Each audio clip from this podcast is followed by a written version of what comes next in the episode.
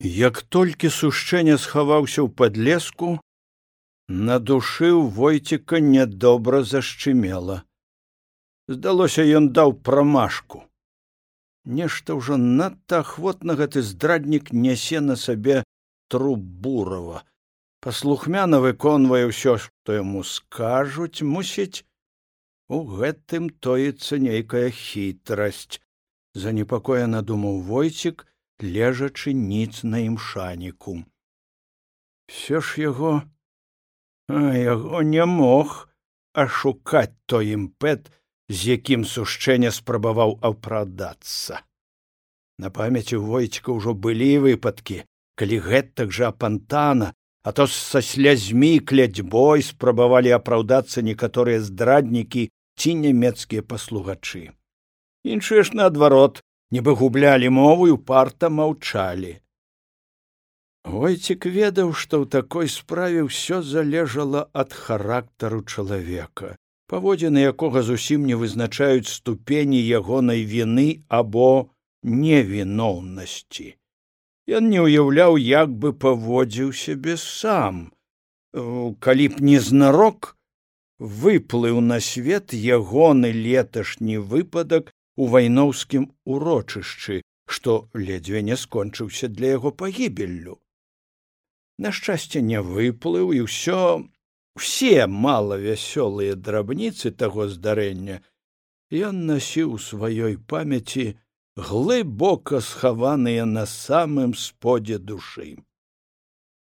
Хаця часам яны і варушыліся там неспакойныя апрыкла і трэба было намаганне каб прыглушыць пачуццё вінаватасці улагодзіць развярэджанае сумленне. Напэўна аднак будзе доўга помніцца яму той світальны золак на пачатку зімы калі па граскаватым цаліку ён таропка бег з хутараў вайноўскае ўрочышча дзе яны трое раённых саўработнікаў туліліся выкапанай на пагорку зямлянцы. Увогуле там было схоўна, спакойна і нават утульна каля напаленай бляшанай печкі ў кутку. Харж здабывалі па чарзе ў навакольных вёсках, ды на рэдкіх уцалелых ад даваеннага зносу хутарах. Таго разу чарга падышла да войцікам і ён позняй ноччу прывалокся на гэты адзінокі хутар. Гаспадара хутара рыжага клімку і яго маўклівую бабу ён ведаў даўно яшчэ з калектывізацыі. Людзі яны былі неблагія хоць і не дужа ласкавыя і менавіта з тае прычыны да іх уладкавалі хворага акружэнца лейтенанта свірідава В адну з чарговых вылазак за харчам той спярша намок под дажджом, а пасля падмёрз у мокрым адзенні і неўзабаве захварэў на гарачку. Баючыся за жыццё лейтенанта, яны тыдзень таму прывезлі яго на гэты хутар. Тады войцік адведаў хворага, добра пад'еў сагрэўся і нават не ўпрыцям задрамаў цяпле на лаўцы. Але на сваю бяду задрамаў трошкі болей чым трэба. І калі выйшаў на сцежку пачало віднець. Ён устрывожана наддаў кроку наперадзе ў кустоўі трэба было перайсці дарогу і далей калярово пералескамі прабірацца да іх урочышча. Сідары за спіной яго ляжаў бохан хлеба і муліла з паўвядра бульбы якой яго надзяліў рыжы клімка. Увогуле небагата але пакуль што павінна хапіць думаў войцік а там сходзіць хто іншы прынясе яшчэ людзі ў навакольных паселішчах былі чулыя на чужую бяду і без прынукі дзяліліся ўсім што мелі самі. Войціку ўжо зусім трохі заставалася да кустоўя і дарогі як невыразна яшчэ ў світальным сутонні ён згледзеў наперадзе. Людзей іх было трое. Яны таксама ўбачылі яго ў полі насцярожана знерухоміўшы чакалі. Сэрца войціка скаланулася ў грудях але ён быццам па інерцыі дробнымі крокамі ўсё бег па ледзьве прыкметнай у мокрым снезе сцяжынцы. Зброі ў яго не было за харчам яны заўжды хадзілі без зброі і цяпер ён затрывожыўся хто тыя людзі? Здалёку было не згледзяць але падышоўшы бліжэй войцік і зусім азмрачнеў душой. На дарозе чакалі яго трое мужчын з вінтоўкамі. Рабіць аднак не было чаго ён пераскочыў канаву і апынуўся насупраць. Адзін з іх груба спытаўся куды? Пасля адкуль двое іншых аблапілі за спіной яго сідар садралі з плячэй вераўчаныя почапкі. Войцік зразумеў што апраўдвацца было бескарысна тым больш што тыя ўжо аблаялі яго бандзюком. І пачалі дапытвацца дзе ўзяў прадукты. Ўсё ж войцік паспрабаваў выкруціцца сказаў што не ведае дзе маўляў завітаў да незнаёмага чалавека і попрасіў пасля нядоўгая лаянкі тыя загадалі зараз жа паказаць хату гэтага незнаёмага.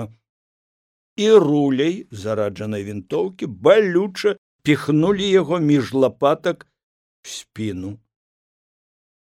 Рабіць не было чаго войцік павярнуў на праклятую сцяжыну якая гэтак па-здрадніцку завяла яго ў пастку. Ваўкавата зацяўшыся паліцаі ішлі следам а ён ашалела думаў куды іх прывесці на пагорачку ў полі сцежка дзялілася на тры. Адна бегла ў недалёкую вёсачку пры нізінцы дзе ён ніколі не быў і нікога там не ведаў. Другая вяла ў бок да недалёкага фамічоўскага хутара гаспадар якога казалі ўжо знюхаўся з паліцыяй. І толькі трэцяя кіравала па полі да клімкавага хутарка што сціпла прыткнуўся ў хмызняку дарова. Войцік нерашуча мінуў першую паваротку все пакутна думаючы куды яму скіраваць вельмі яму не хацелася весці іх да клімкі дзе выкашліваў хворыя лёгкія федзя свірыдаў але куды ж яшчэ ну куды ж ён яшчэ мог павесці фамічоўскі хутар адпадаў з тае прычыны што гэтыя самі там маглі начаваць сёння значыць толькі да клімкі. Ён прайшоў паўз і другой павароткі. Цяпер ужо выбару ў яго не заставалася. І ён усё з большай пакутаю уяўляў што будзе далей. Але што ён мог зрабіць?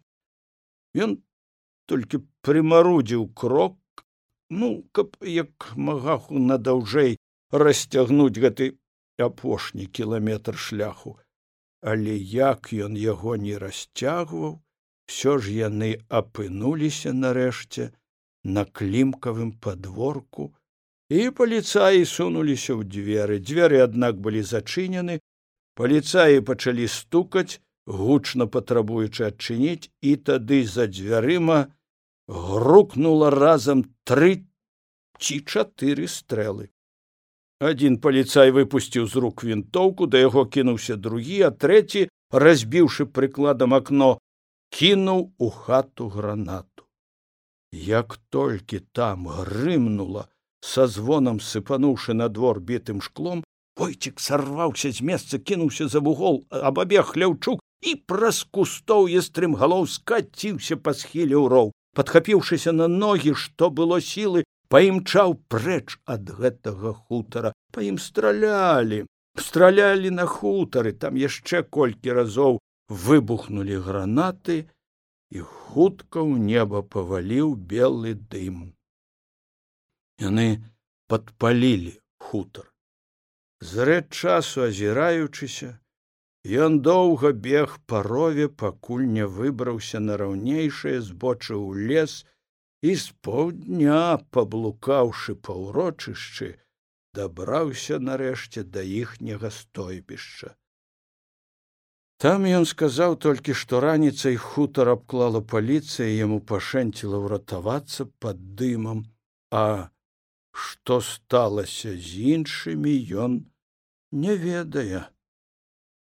Пра суткі, аднак стала вядома, што хутар згарэў з людзьмі. Адзін паліцай там забіты, другі паранены, але паліцаі, відаць, аказаліся не тутэйшыя войціка з твару не ведалі і жахлівая сустрэча з імі заставалася тайнай якою ён не меў ахвоты з кім-небудзь дзяліцца. Канешне часам было непрыемна перад сабой.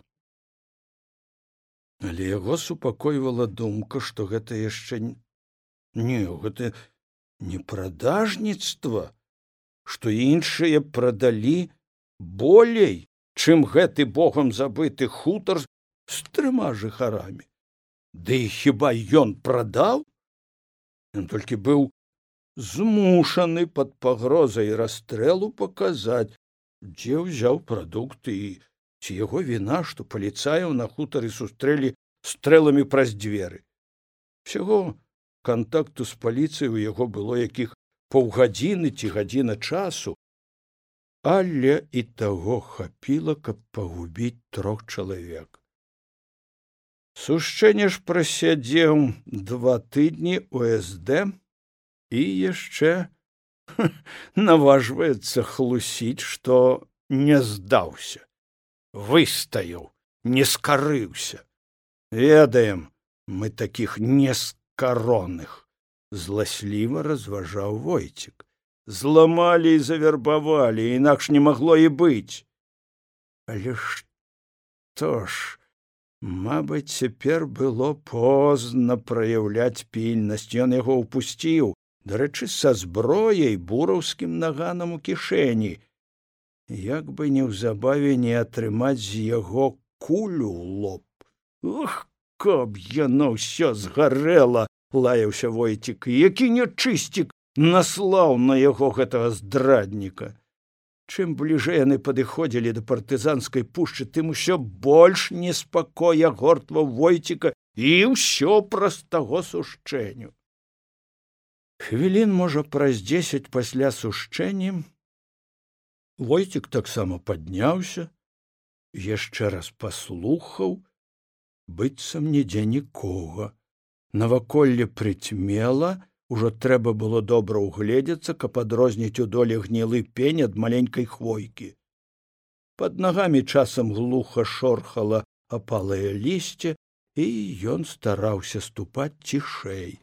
Ціхенька выбраўся з драбноты подлеска падышоў да дарожнае выемкі зірнуў адзін канец гразкай шашы гравейкі ў другі трохі памарудзіў і па крутаватым адхоне засцярожліва, каб не ўпасці, пайшоў уніз.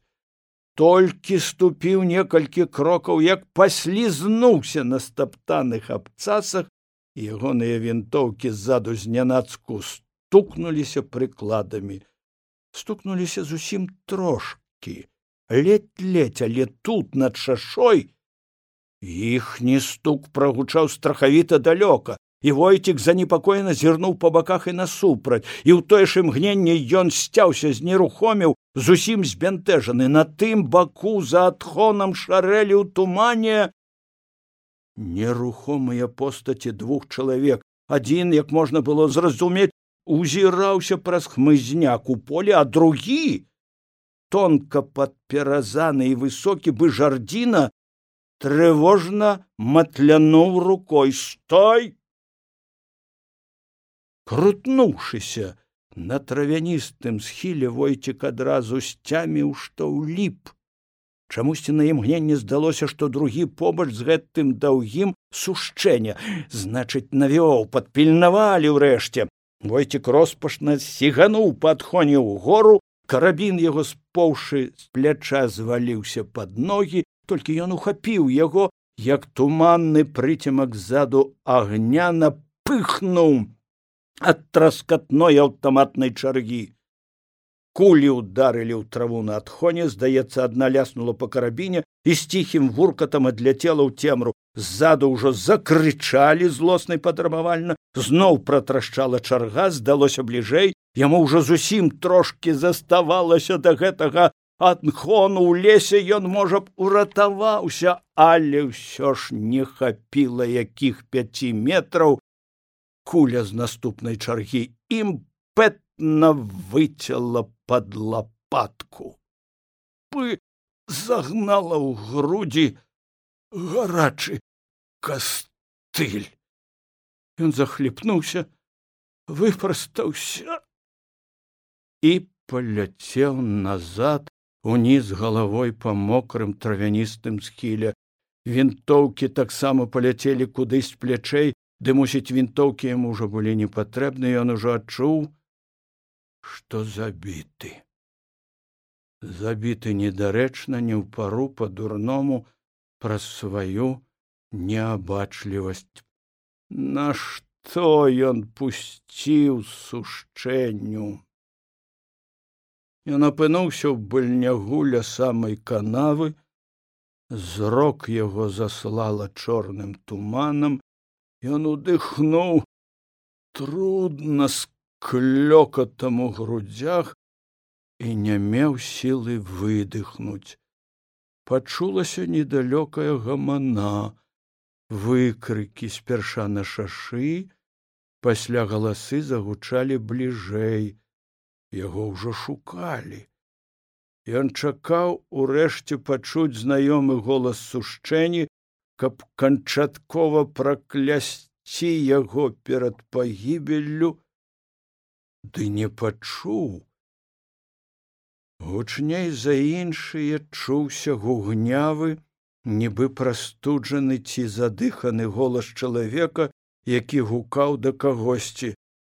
Поймаеш азірнуўся стаіць ух ты!